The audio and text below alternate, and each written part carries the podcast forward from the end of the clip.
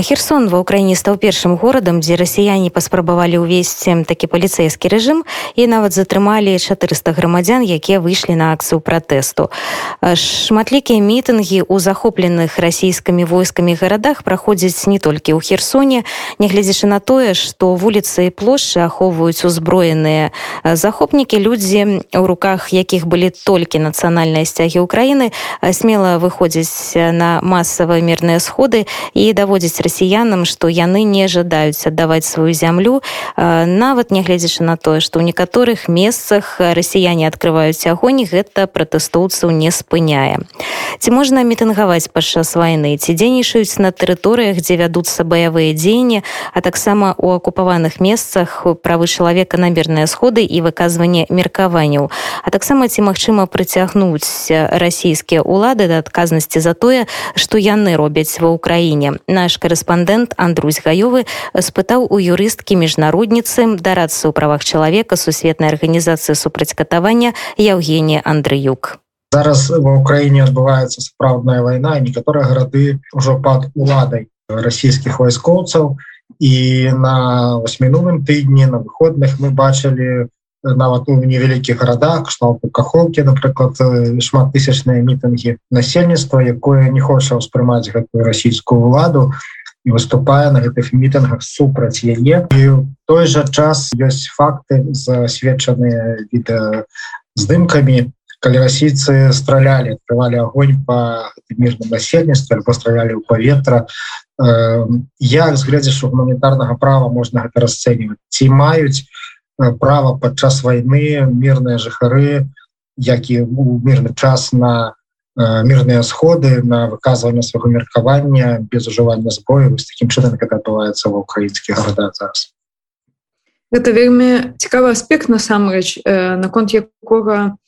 ну уже апошні некалькі десятгоддзяў спрачаюцца юрысты якія працуюць са зброенымі канфліктамі. І важна памятаць про тое что і правы чалавека і міжнароднае гуманітарнае права працягваюць прымяняцца працягваюць існаваць адначасова падчас збойнага канфлікта то бок няма такога што міжнароднае гуманітарнае права прымяняецца замест правоў чалавека да у тым што датычыцца нейкіх спецыяльных сітуацый е так званая закон што прымяняецца больш спецыяльнае права. То бок калі напрыклад вайсковец узялі ў палон і гэта пытанне вайскова-паланеных то будзе гэта рэгуравацца міжнародным гуманітарным правам бо там больш рэгураванне гэта так называемая векс спецыялі то бок спецыяльнае право але ж зноку правы человека працягваюць э, прымяняцца і асабліва вось у той сітуацыі про якую вы кажаце э, калі гэта мірныя шэсці сапраўды э, правы чалавека тут э, з'яўляюцца тым самым спецыяльным правам. Менавіта яны будуць прымяняцца асабліва на так званых акупаваных тэрыторыях. У сэнсе права акупаваныя тэрыторыі не маюць ніякага палітычнага кантэксту. Гэта просто факт таго хто кантралюе тэрыторыю да. То бок калі сёння на дадзены момант яны кантралююцца расійскім бокам то гэта акупацыя і звычайна на наступны дзень гэта можа змяніцца то бок тут няма ніякіх палітычных акрасак то бок тое што важна фактычна у сітуацыі калі мы разглядаем кахоўку ці херсон мы просто прымяняем усе тыя нормы якія звычайна прымяняюцца ў мірныя часы падчас мірнага шэсця з агаворкай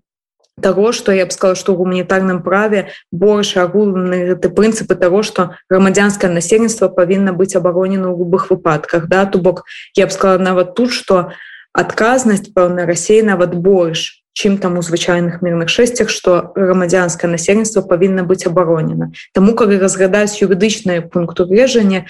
той напрыклад інцыдент калі быў адкрыта агонь дзякуй Богу паветра у херсоне на той момант з таго што я таксама бачыла па відэо мірныя пратэстуючыя не прадстаўлялі ніякай пагрозы тым прадстаўнікам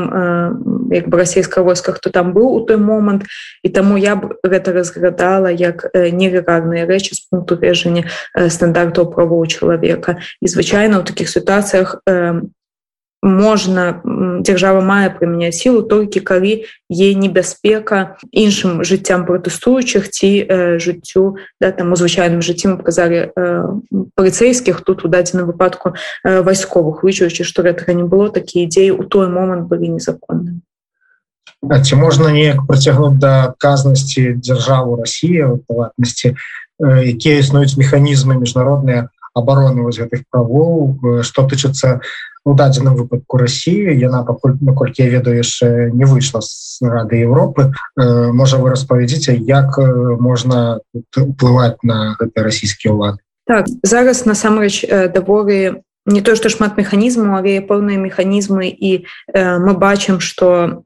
падрозненне ад іншых мераў у з пункту рэжня прыцягнення да адказнасці міжнародная спільнота даволі актыўная то бок самая першая пра правы чалавека што мы памятны што еўрапейская канвенцыя па правах чалавека працягвае прымяняцца і яна прымяняецца не толькі на тэрыторыі рассеі але і на іншых тэрыторыях на якіх є расійскі контроль. І контроль гэта не тое што устараваная фактычна адміністрацыя да просто калі расійскія вайскоцы кантролююць гэту тэрыторыю гэта адказнасць рассеі тое самае датычыцца і фізічных асоб да і гэта зноўку ж даведзены практыка міжнародных судоў факт. Гэта распаўсюджваецца таксама і на контроль над людзьмі то бок калі Росія расейцы захопліваюць чалавека нават на тэрыторыі якая кантралюецца Украінай усё роўна гэта будзе адказнасцю Росіі і сапраўды э, Росія застаецца пад еўрапейскай канвенцыя па правах чалавека то бок усе гэтай справы падсудны еўрапейскаму суду па правах чалавека і уже быў патадзены шэраг шэраг э, скаргаў у тым ліку ад індывідуальных асоб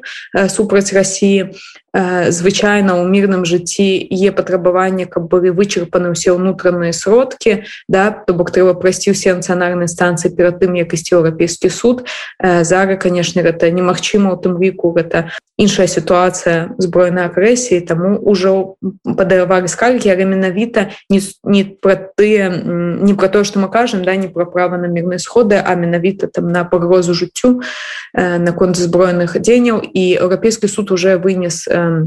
так называются часовыя меры по 39 артыкуле то бок тэрміновыя меры якія дзяржава павінна прымяніць каб не пагаршаць сітуацыю еўрапейскі суд ужо вырашыў што Росія павінна прыпыніць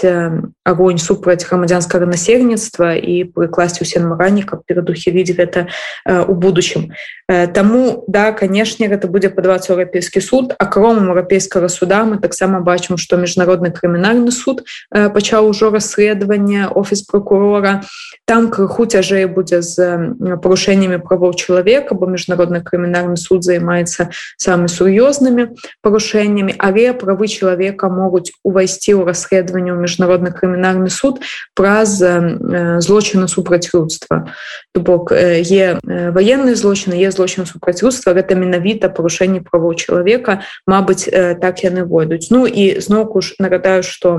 Ан таксама установіў такую камісію по расследаванню того что адбываецца в Украіне і парушэнню права человека гуманітарнага права і вось літарарна напэўна гэта апошні апошні гадзіны навіна что у офіс нямецкі офіс нямецкая прокуратура пачала таксама такое агульнае расследаванне злочынаў які здараюцца на тэрыторыі Украіны бок гэта толькі вось тое што мы маем пакуль што за гэты некалькі тыдняў і я вельмі спадзяюся што будуць прыкладзены намаганні да не толькі дзеля того каб расследаваць ці сапраўды прыцягнуць да адказнасці тых хто вінаваты ва ўсіх злочынах і парушэннях гуманітарнага права і правоў чалавека які адбываюцца на тэрыторыі Украіны А ці можете вы распавесці якія могуць быць э, наступства напрыклад тое что вядзецца агрэсіўная вайна это злачынства і гэта відавочна Ну конечно гэта трэба будзе даказаць у суде адпаведна ну, напрыклад крымінальным суддзе ў газе і калі ўсё ж такі яны вынесуць так бы мовіць абвінавачае рашэнне якія існуюць механізмы прыцягнення да адказнасці за вось гэтае злачынства супраць чалавечнасці злачынствы военные гэта далей вы абсолютно правы что ва ўсіх гэтых механізмах трэба расследаваць спачатку і даказаць віну як бы нам усім не падавалось відавочным тое что адбываецца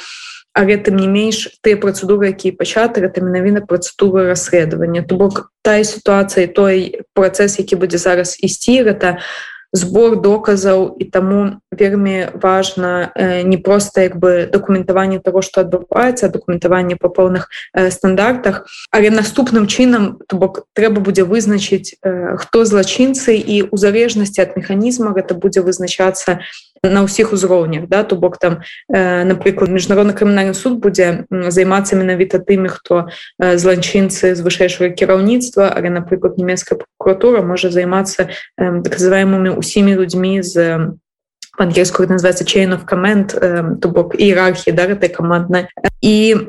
наступным вынікам расследавання будзе установленне гэтых людзей хто вінаваты ну і затрыманні хто бок калены не будуць знаходзіцца на тэрыторыі эўразвязу ці там на іншых тэрыторыях дзе іх можна э, паліцыя здрымаць то бок калі гэта нямецкая паліцыя то яны могуць трымаць толькі на тэрыторыі нямецчыны калі гэта міжнародны крымінальны суд яны даюць ордер на арышт і гэта менавіта вынік працы прокуратуры да то бок да того каб дайшло до суда. Бо суд можа адбыцца толькі тады калі будуць віноўцы Вось там дзеля тых хто сачыў за працэсам у нямецчыне літаральна пару месяцаў таму адсудзілі людзей па сірыі і гэта былі тыя людзі які былі затрыманы на фізічна былі ў суде то бок пакуль не будуць фізічна затрыманыя злачынцы судоў не адбудзецца ордер э, на арышт вырезарная такая мера і мы гэта дамагались і працуем таксама каб тое самае было по беларусі то бок усе тыя расследаванні якія ішлі. Канешне калі такія ордары будуць дзеля ордара міжнароднага камунарнага суду ці нямецкі ордар пойдзе ў інтерпол канешне гэтаму павінны падпарадковацца ўсе дзяржавы. Да і няма канешне міжнароднай паліцыі ці міжнароднага войска якое магло бы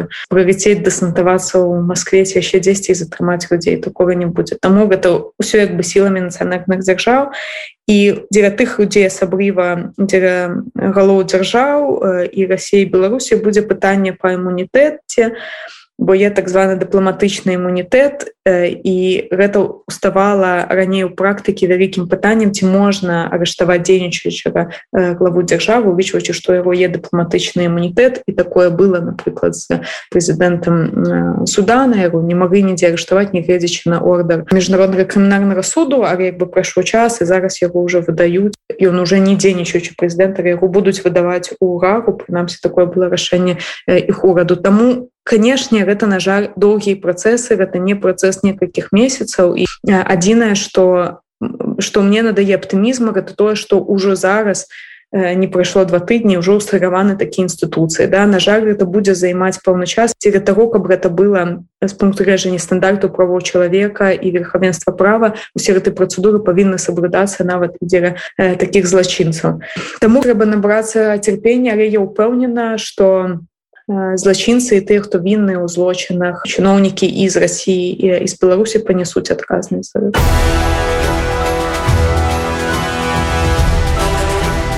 война на Украіне